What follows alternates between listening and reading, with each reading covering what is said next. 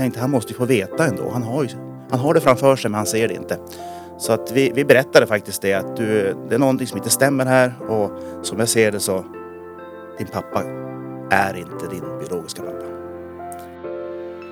Välkommen till Härnösandspodden ska du vara. Där vi berättar mer och längre om någon vi har skrivit om i magasinet Jippi Härnösand. En podd där folk får prata till punkt. Där vi får lära känna Härnösands doldisar och kändisar. I Härnösandspodden får ni höra det som står mellan raderna i Jippi i en uppriktig och nyfiken form. I Härnösandspodden får du möta Peter Sjölund som rivstartar hösten med att söka efter okända pappor i SVT. Han ska också bli hedersdoktor på Mittuniversitetet i oktober.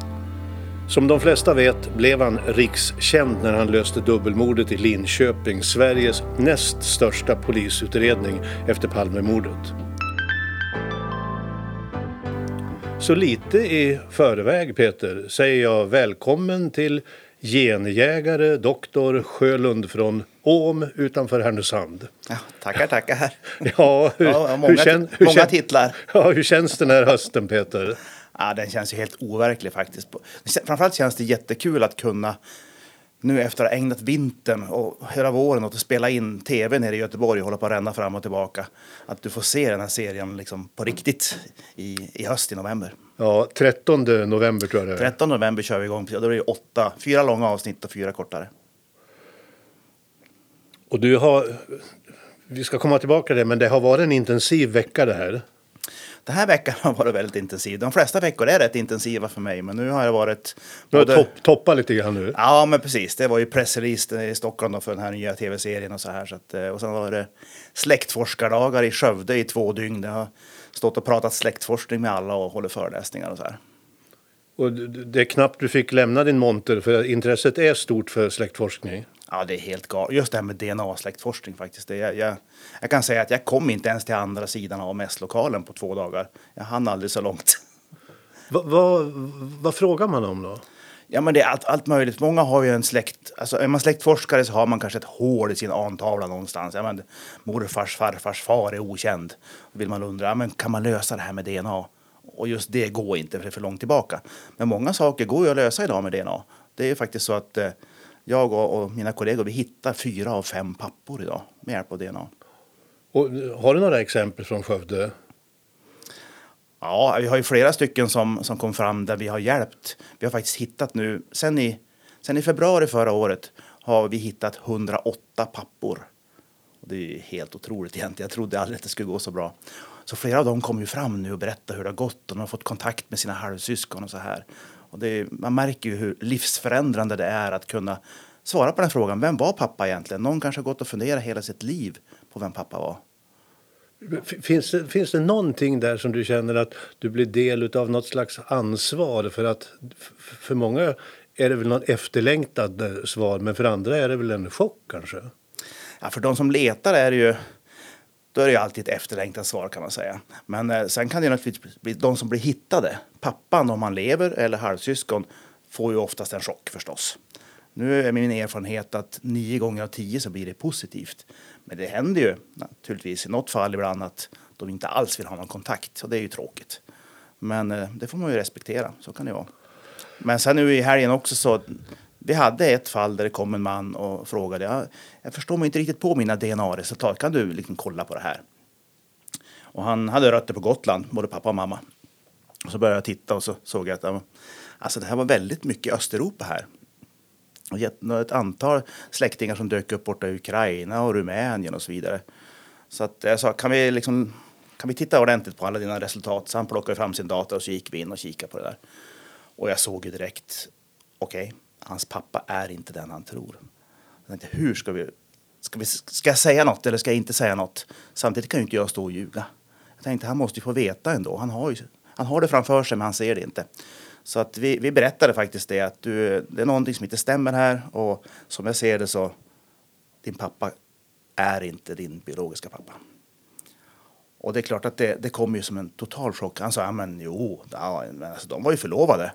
Ja, det, så kan det vara, men, men DNA ljuger inte. Det visar att pappa var någon annan. Så han var chockad över det. Samtidigt är det ju så att hans uppväxtpappa är ju fortfarande hans pappa. Ja, men Ja. det finns den känslomässiga pappan. Ja, och... precis. Ja, men han har en biologisk pappa, han har en uppväxtpappa. Man kan till och med ha tre pappor. Det har hänt i ett fall. Det var det så att den här kvinnan hade en pappa som hon växte upp med.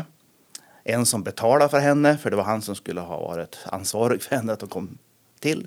Och så visade det sen när hon tog ett, ett DNA-prov när hon var äldre att det var ju en tredje man. Så hon hade tre pappor. Ja du Peter, du gräver i våra historier och ursprung. Men förresten, den där veckan den har varit intensiv. Du måste ju berätta hur du kom hit till den här inspelningen. ja, precis. Eh, det var ju så här, jag körde hemifrån Skövde, vilket är ganska långt. Så jag kom hem mitt i natten och så gick vi om varandra i morse. Eh, så att eh, den bilen som stod hemma, den visade sig inte ha någon bilnyckel. Så jag insåg att oj då, jag kommer inte till stan. Ja, men då tar jag cykeln. Och tack och lov, jag har ju Saltviksbacken i den här stan. Den är ju brutal, men jag har en elcykel. Så att just Saltviksbacken fixade jag med el. Så då kan vi slå ett slag för elcykeln också, för det räddar den här poddinspelningen. Precis. Några fler snabbfakta. Ålder? Eh, jag måste tänka 56. Och född? Född i Gudmundra församling i Kramfors. Och dina föräldrar och släkt, varifrån kommer släkten? man kan säga 50 procent Ångermanland, 25 procent Medelpad och 25 procent Leksand. Och så är det lite någon spridd skur borta i Baltikum och så. Och då kommer ju den här naturliga följdfrågan. Några spännande skelett i ditt eget släktträd? Det finns ju jättemånga. Det är det som är så spännande. Man börjar släktforska, då handlar det bara om namn och årtal och så. Det är ju spännande i och för sig. Men sen kan man börja med att hitta saker om de här släktingarna. Och då finns det ju många spännande personer, även bara vanliga bönder som har varit med om jättemycket saker. Men den jag alltid brukar tänka på det är min anmoder som heter Katarina Stopia. Hon var världens första kvinnliga diplomat på 1630-talet. Hon var alltså utsänd av svenska kungen att förhandla med tsaren i Ryssland om handelsvägar och spannmålsexport och sånt. Och att som kvinna få ett sånt uppdrag på 1600-talet, det var ju helt unikt. Och det kan du verifiera. Absolut, precis. Men henne hade jag velat träffa. Ja, det kan jag verkligen förstå. Fem snabba frågor. Hemma eller borta? Hemma. Bil eller cykel? Det beror ju på avståndet, men gärna cykel i stan. Kyrkoböcker eller deckare? Hm, kyrkböcker. Tålmodig eller rastlös? Tålmodig. DNA eller DN? DNA alla gånger i veckan. Din utbildning, då, visste du att du var på väg att skapa ett helt nytt yrke när du började studera? Vad, vad läste du? Nej, jag läste faktiskt till början till eh, miljö och hälsoskyddsinspektör. Och det, jag jobbade faktiskt som miljöinspektör också i nästan tre månader innan jag insåg att nej, det här är inte min grej. Så att eh, jag började jobba som eh, kemikalierådgivare till stora företag som Volvo, SCA och så vidare. Jobbade i många, många år som det är uppe i Skellefteå. Och sen så kom det här med DNA. Och jag är naturvetare in i själen så jag insåg att ja, men alltså det, här, det här är min grej. Och jag älskar ju att ta svåra saker, krångliga saker och förklara dem på ett lätt sätt. Så jag började åka runt och föreläsa och lära släktforskarna här. Jag skrev böcker om det här. Och så kände jag att ja, men det är det här jag ska göra. Så jag gick in till chefen och sa upp mig helt enkelt. Så att jag, jag är ju inte alls utbildad på något sätt till det här, men jag är naturvetare. Jag tror att det är en bra förutsättning. Men har du alltid varit liksom labbintresserad eller? Nej, inte labb, men just det här med att klura ut samband och siffror och, och liksom pussla ihop olika saker och logik och sådana saker. Och älskar, gillar man sudoku, då gillar man att nörda ner sig på DNA-sidan också kan jag säga. Men att det blev Åm utanför Själand. Du jobbade uppe i Skellefteå men du hamnade här. Ja, precis. Vi bodde ju i Västerbotten medan vi pluggade och jobbade och så här. Och sen så fick vi barn när vår dotter kom, så då, då flyttade vi faktiskt till Skellefteå från Umeå ett år. Men sen insåg jag att det här är ju helt fel håll. Alltså, det är ju från Höga Kusten. Min hustru är från Ullånger. Vi kan inte bo här uppe i platta Västerbotten. Så att vi kände att nej, vi flyttar hem. I och för sig får jag jobba på distans då, men så vi sökte ett hus någonstans i Härnösandstrakten, hittade ett i Älandsbro. Flyttade till Älandsbro och sen har vi bytt till den här gården i Åmn efter några år. Och hur känns det då? Det känns jättebra. Eh, framförallt när jag upptäckte då att jag faktiskt härstammar från gården på 1600-talet. Ja, vem, var det som var, vem var det som var anfader där då? Det var en Thomas Andersson som ägde den då och han och hans två söner var faktiskt anklagade för häxeri under de stora häxprocesserna. Och han, gårdsägaren, han vart ju halshuggen och bränd, och ena sonen också. Den andra sonen, han klarade, han vart benådad. Och tur var väl det, för att han är nämligen anfader till Thomas Ledin. Så hade han blivit avrättad hade inte Thomas Ledin funnits. Det låter som en rubrik vi har på gång här för vissa tabloider. Ja, precis. Men DNA, det är ju en förkortning. Kan du uttala vad ordet heter? Och nu ska vi se här. Ah, det är ju deoxyribonukleinsyra. Ja, men det stämmer ju. Deoxyribosnukleinsyran. Ja. Och det ska vi härleda till... Ja, det är ju så att vår genetiska kod, det som egentligen bestämmer hur vi blir och hur fungerar, den sitter ju på såna här långa spiraler som alla har sett bilder på. Och eh, på de här spiralerna så finns det fyra olika kemikalier. Man förkortar A, C, G, T och de sitter liksom i en, en blandning, en, en viss sekvens. Och det är de som är nukleinsyror. Det är därför man har det namnet. Då. Så du är kvar liksom i kemibranschen? Ja, lite grann. Det är en fördel att förstå grundprinciperna. För egentligen, i grunden är ju DNA ganska krångligt. Vi har alltså 3,2 miljarder såna här DNA-bokstäver i vår kod. Det är ganska mycket. Eh, Men det behöver man inte bry sig om när man DNA-släktforskar, för då skickar du in ditt DNA. De läser ut, inte allt DNA, de läser ut 700 000 positioner ungefär. Så jämför de det med andra personer som är testade. Och hittar de då att ja, du har en likadan bit som någon annan, då är ni släkt. Du behöver inte bry dig om hur biten ser ut, utan du, liksom, du får det här serverat. Men det här är ju liksom livets byggstenar, det är biokemi kan man säga. Och vi har ju DNA som överensstämmer rätt mycket med ett asplöv och med, med alltså hur kan du förklara det där? Ja, vi är 53 procent eller 54 procent lika som en banan till exempel.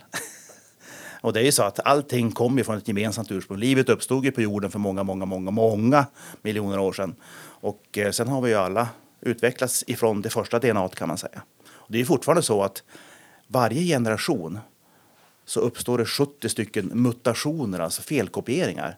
När jag då ska ge, jag och min fru har gett DNA till vår dotter till exempel, så har hon 70 stycken såna här bokstäver som är annorlunda än våra. Det har blivit fel någonstans på vägen. Så att det förändras hela tiden och det gör ju att vi, vi utvecklas. Vissa av de här mutationerna kan vara, om de sker på ett dåligt ställe så kan de skada någonting så att man får en sjukdom. Men de flesta mutationer gör ingenting, de finns på ställen som inte påverkar något. Ja, det är, ibland tänker man ju att det är märkligt att det fungerar. Inspelningarna då till Genjägarna. Hur har det varit? Du sa att det rände fram och tillbaka mellan Göteborg och Åm. Ja, Göteborg är ju rätt långt bort, men det var där det var SVT Göteborg som, som stod för det här. Och vi har ju varit sju stycken då i, i Genjägarna som har hjälpt åtta personer att hitta sin pappa. Eh, ja, det har varit jättespännande. Vi hade ju audition först då i oktober i Göteborg. Det var jättemånga som sökte som ville komma. Och så fick vi intervjua dem och topsa dem och så vidare. Och så hade man ju gärna velat hjälpa många fler. Men vi kunde hjälpa åtta i alla fall. Så det blir åtta avsnitt i den här serien. Ja, vi kanske ska vänta med att du får topsa mig förresten. Man vet ju aldrig. Nej, men precis. Jag brukar säga det. Jag får ju ofta frågan, men finns, finns det inga risker med det här? Det är liksom, vågar jag lämna ut mitt DNA? Och grejen är att det man läser ut ur ditt DNA det är ju bara en massa släktskapsmarkörer. Det har ingenting med hälsa och sjukdomar att göra. Så största risken med att lämna ett DNA-test det är ju att du upptäcker att eh, pappa inte är pappa. Eller att morfar inte är morfar.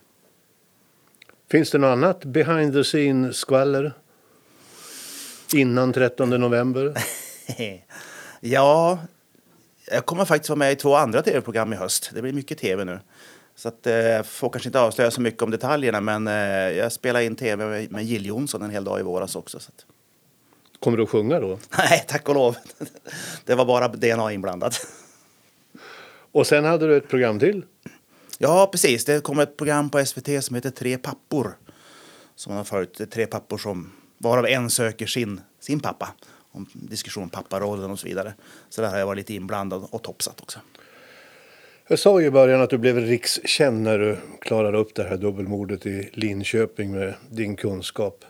Vad var det som gjorde att du kunde lyckas när ingen annan hade lyckats tidigare?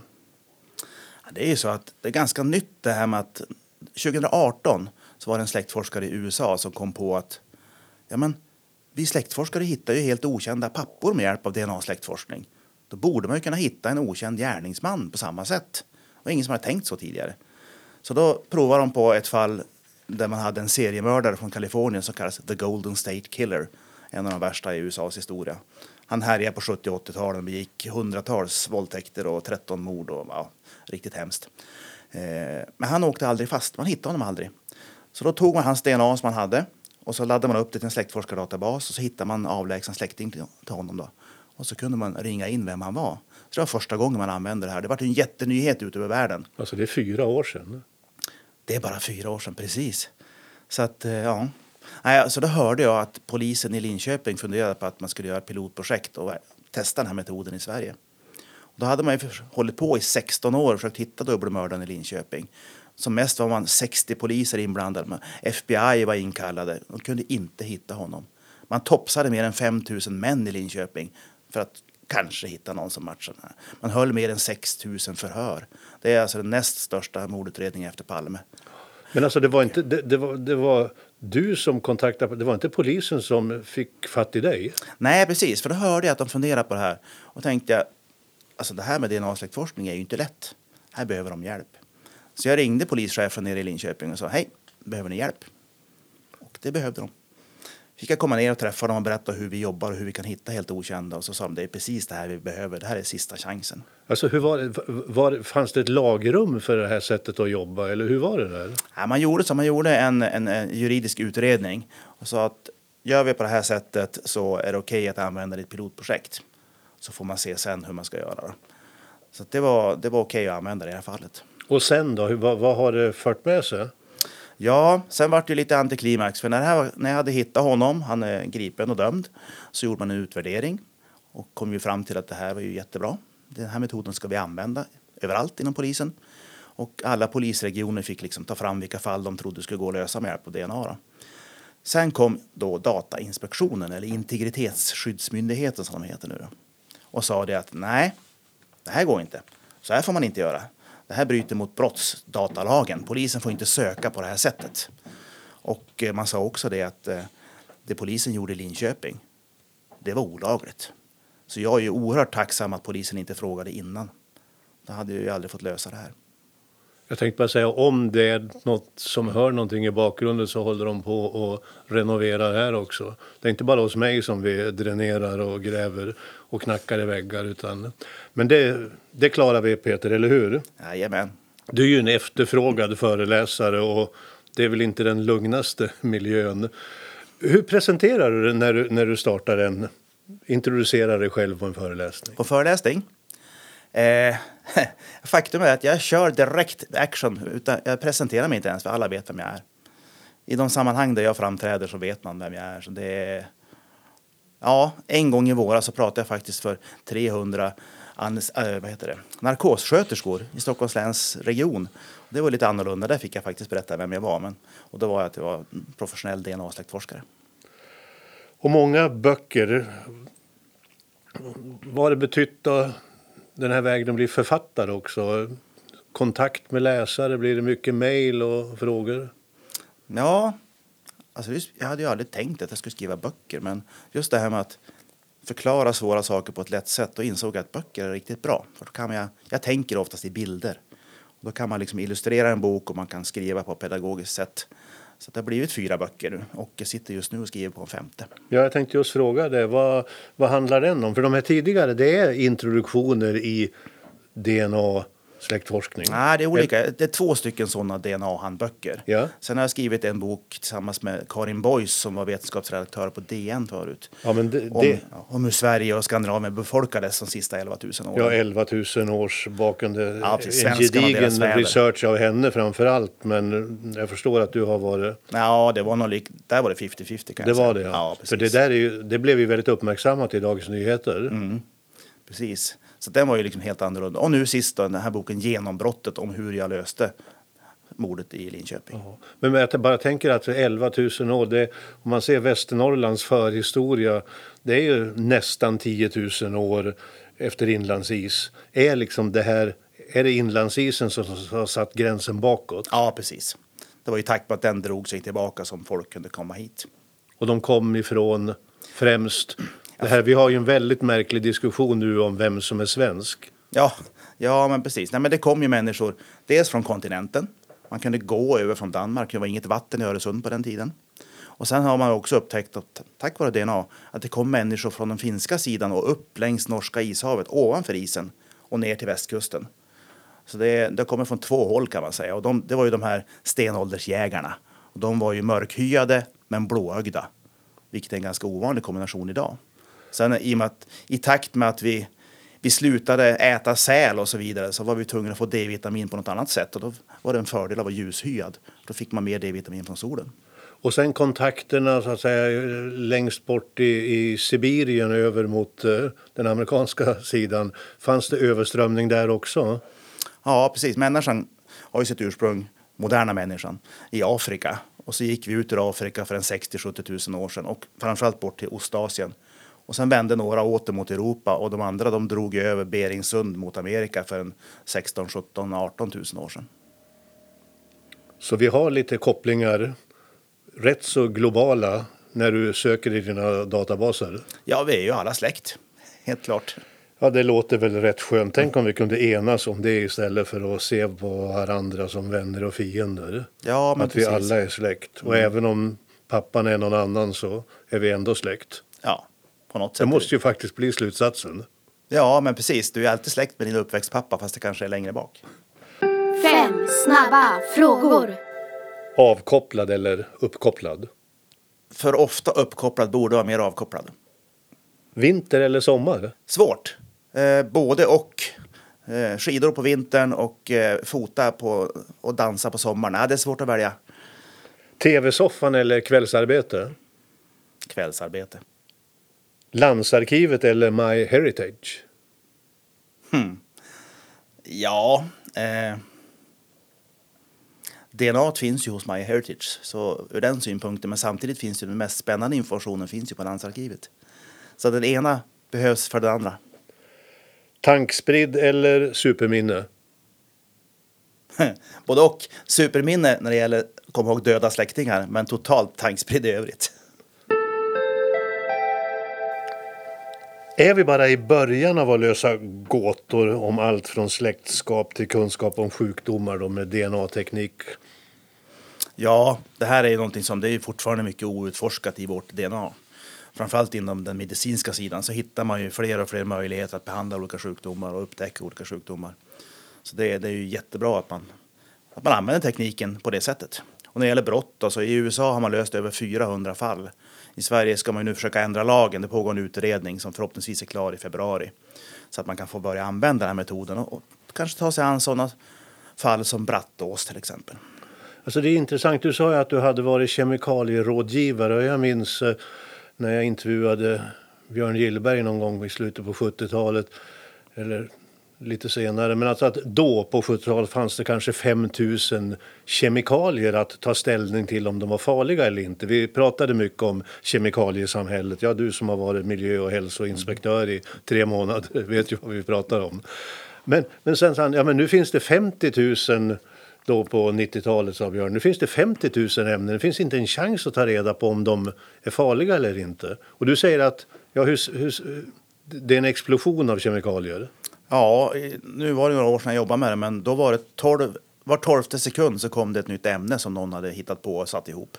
Och då tänker jag att vi består av det här DNA-koderna. Vi omger oss liksom med nya kemikalier, syntetiska kemikalier. Det kommer nya nästan en gång i sekunden.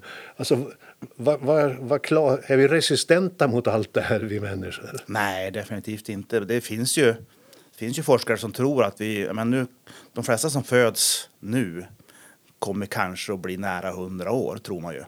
Men man tror också att på grund av alla dessa kemikalier så har vi nått piken. Det kan börja vända neråt igen, just för att vi blir utsatta för så mycket. Så din framtidsvision, hur ser den ut då? utifrån din DNA-kunskap? Ja, men det är ju att vi, vi ser till att använda DNA-tekniken till, till många goda saker. Samtidigt som vi har extremt tydliga regler som gör att vi inte kan använda det till onda saker. För nu kommer det ju, ja, nu har vi valrörelse, nu är det ju, alla ska bjuda över varandra. Och då säger någon partiledare att ja, nu ska polisen få rätt att beslagta DNA ur det här PKU-registret. Alla barn som är födda 75 och senare har ju lämnat blod för att kolla olika sjukdomar. Eh, och det finns ju sparat. Och det får inte polisen använda. Men eh, nu säger någon då att ja, men det ska de få göra. Det tycker jag är ett korkat förslag eftersom det kommer att göra att folk tar bort sitt. Man kan begära att bli struken ur det här registret och det innebär att forskningen kommer att bli lidande och dessutom är det helt onödigt. Det räcker med att 200 000 personer i det här registret säger att ja, men jag är okej okay med att synas hos polisen. 200 000 pers, då hittar vi vem som helst i Sverige med DNA-släktforskning istället. Så jag tror att, eh, Om det blir tillåtet? Om det blir tillåtet, men det tror jag man håller på att ändra lagen där. Så att, tydliga regler vad man får göra och inte göra och så använda DNA så mycket det bara går till allt gott man kan göra. Så det som du gjorde i Linköping 2018 och som sen, Ja, 2020. ja 2020, Men, men utifrån att tekniken blev så att säga tillgänglig eller man kom på den här idén till Datainspektionens reaktion. Du tror att det kommer bli möjligt för er att jobba på det här sättet? Ja, men det tror jag. Det, det, jag har inte hört någon som är negativ. Det kan vara någon jurist möjligtvis. Då. Men, men tittar man på vad är egentligen problemet? Polisen får alltså söka, de skickar in DNA, de får släktträff, släktmatchning på ett antal personer. Och de de släktmatchar mot, de har godkänt att vara synliga för polisen. Så det är liksom ingen som man söker på som inte har godkänt det här. Jämfört med som man gjorde i Linköping, kalla in 5 000 män på topsning. Dessutom fick polisen åka hem till ett antal föräldrar som hade förlorat sina söner i självmord. Och säga att ja, vi måste tyvärr utesluta att han var en dubbelmördare. Alltså det är fruktansvärda möten för föräldrarna och polisen. Det måste vara bättre att göra som jag gjorde. Forska på ett antal hundra personer som är döda sedan länge och sen peka ut, det är han, topsa han. Det måste väl ändå vara bättre. Får du förfrågningar eller ni från andra länder också? Ja, jag hade faktiskt besök av en eh, mordutredare från Köpenhamnspolisen här i Härnösand här, strax innan sommaren. De är mycket intresserade av att få veta hur det här funkar. Norge vet jag också att man funderar på det här. Är det annan lagstiftning? Ser du andra möjligheter? Eller Nej, ingenstans är det tillåtet än, men man, det kommer ju förmodligen att bli det.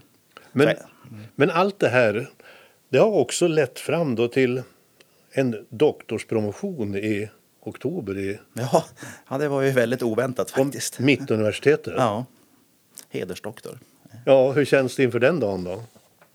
Ja, det känns, jag har ju tack och lov en, en mentor som är från Härnösand som jobbar där som ska liksom, det guida då? mig. Det är Erik Borglund. Ja, Och eh, ja, jag, har fått, jag tycker att det här med skallmätning som jag höll på med, de här rasbiologerna och, mätte, och åkte runt hos samer och tornedalingar, det var ju inget bra.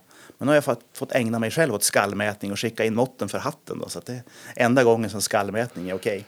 ja och enda gången du kommer att ha hög hatt. Ja, jag tror det. Det kommer inte att hända så ofta. Vad är din dresscode annars då i de här sammanhangen? Jag tänkte på när jag ska promoveras. Jag vet inte, jag måste, ställa, jag måste ställa frågan vad jag ska hyra för något. Jag har en gammal, gammal, gammal frack från min farfar, men jag tror inte att den blir så bra. Ja, det, det är bara att gratulera. Hur, hur tror du resten av året ser ut då? Fortsätter det i samma fart eller ökar du? Ja, nu har jag lyckats styra bort allting fram till november, så nu är det bara bokskrivande som gäller. Och sen så kommer ju den här serien då. Det blir säkert mycket förfrågningar. Eh, men eh, ambitionen är väl att någon gång framåt vintern kanske ha lite semester. Det var länge sedan. Och när du tittar omkring då och ser folk, liksom, börjar du fundera då eller förlitar du dig bara på DNA? Jag tänkte om jag funderar på om de är släkt eller Ja. inte. Ja, ibland så tänker man ju liksom att hmm, den, det såg ju inte så likt ut. De där två syskonen ser väldigt olika ut. Men det kan man göra. Det ofta får vi höra när vi säger att ja, men du, det visar sig att du har en annan pappa. Nej, men vi är ju så lika. Ja, men ja, ni är inte släkt. Så att, med likheter ska man inte sätta så mycket. Så tre tv-program. Och Hedersdoktor. Och, och hur var titeln nu på den här nya boken som du sitter och skriver på? Mm, ja, det kan jag inte säga än, men Och vad den handlar om då? Ja, men det handlar ju om... Ja, men jag kan säga att det handlar om, om förstås släkt och inblandning av DNA, men släktmyter kan man säga. Genjägarens släktmyter. Ja, precis. Ja, inte det. Ja, Ja, mer försöker, generellt. Vi ja. försöker gissa på någon Ja. titel här. Ja, precis. Nej, men det är bra. Vi ska ju ha någonting att återkomma till eller se vad som vi kan läsa om i Jippi lite längre fram då. Men eh, jag får säga tack för att du har släppt in oss i vårt innersta och som du säger, DNA ljuger aldrig. Det, det är inget annat vi har missat som du tycker att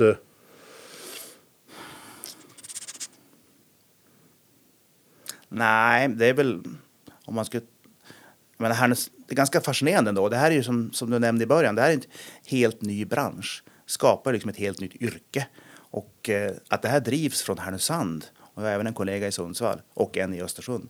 Att det drivs från norra Sverige, det känns ju jättekul faktiskt. Och nu kommer dessutom det här gigantiska stora arkivet här i Härnösand med Skatteverket och Riksarkivet. Det är ju norra Europas största arkiv. Och jag tror att Alltså man kan tänka arkiv, det är dammigt och tråkigt. Men det finns så otroligt mycket spännande saker där. Så gör man det här på rätt sätt, då kan det här bli ett jättestort besöksmål.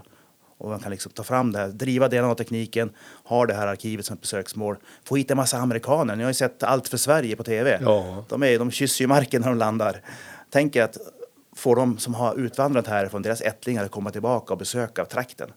Det tror jag jättemycket på. Man kan erbjuda dem att leta rätt på deras släktingar så får träffa levande släktingar. Ja, de lär väl nästan aldrig komma härifrån då om Nej. man Nej, djupdyker i ett arkiv. Nej, precis. Och jag hittar ju jättemånga via DNA. De dyker upp i min matchningslista så det går ju att kontakta dem och få hit dem. Ja, det här låter ju trevligt så jag frågan är om jag ska våga topsa med här genjägare. Men jag säger i alla fall tack för att du tog dig tid. Ja, tack, det var kul. Du har nu lyssnat på Härnösandspodden. Intervjun gjordes av Dag Jonsson. Ljudtekniker och producent var Martin Sundqvist på Alltid Marknadsbyrå. Musiken är gjord av Joel Nyberg på Lejonbröder. Fler avsnitt hittar du på www.harnosandspodden.se. Vem vill du lyssna på? Tipsa oss på info at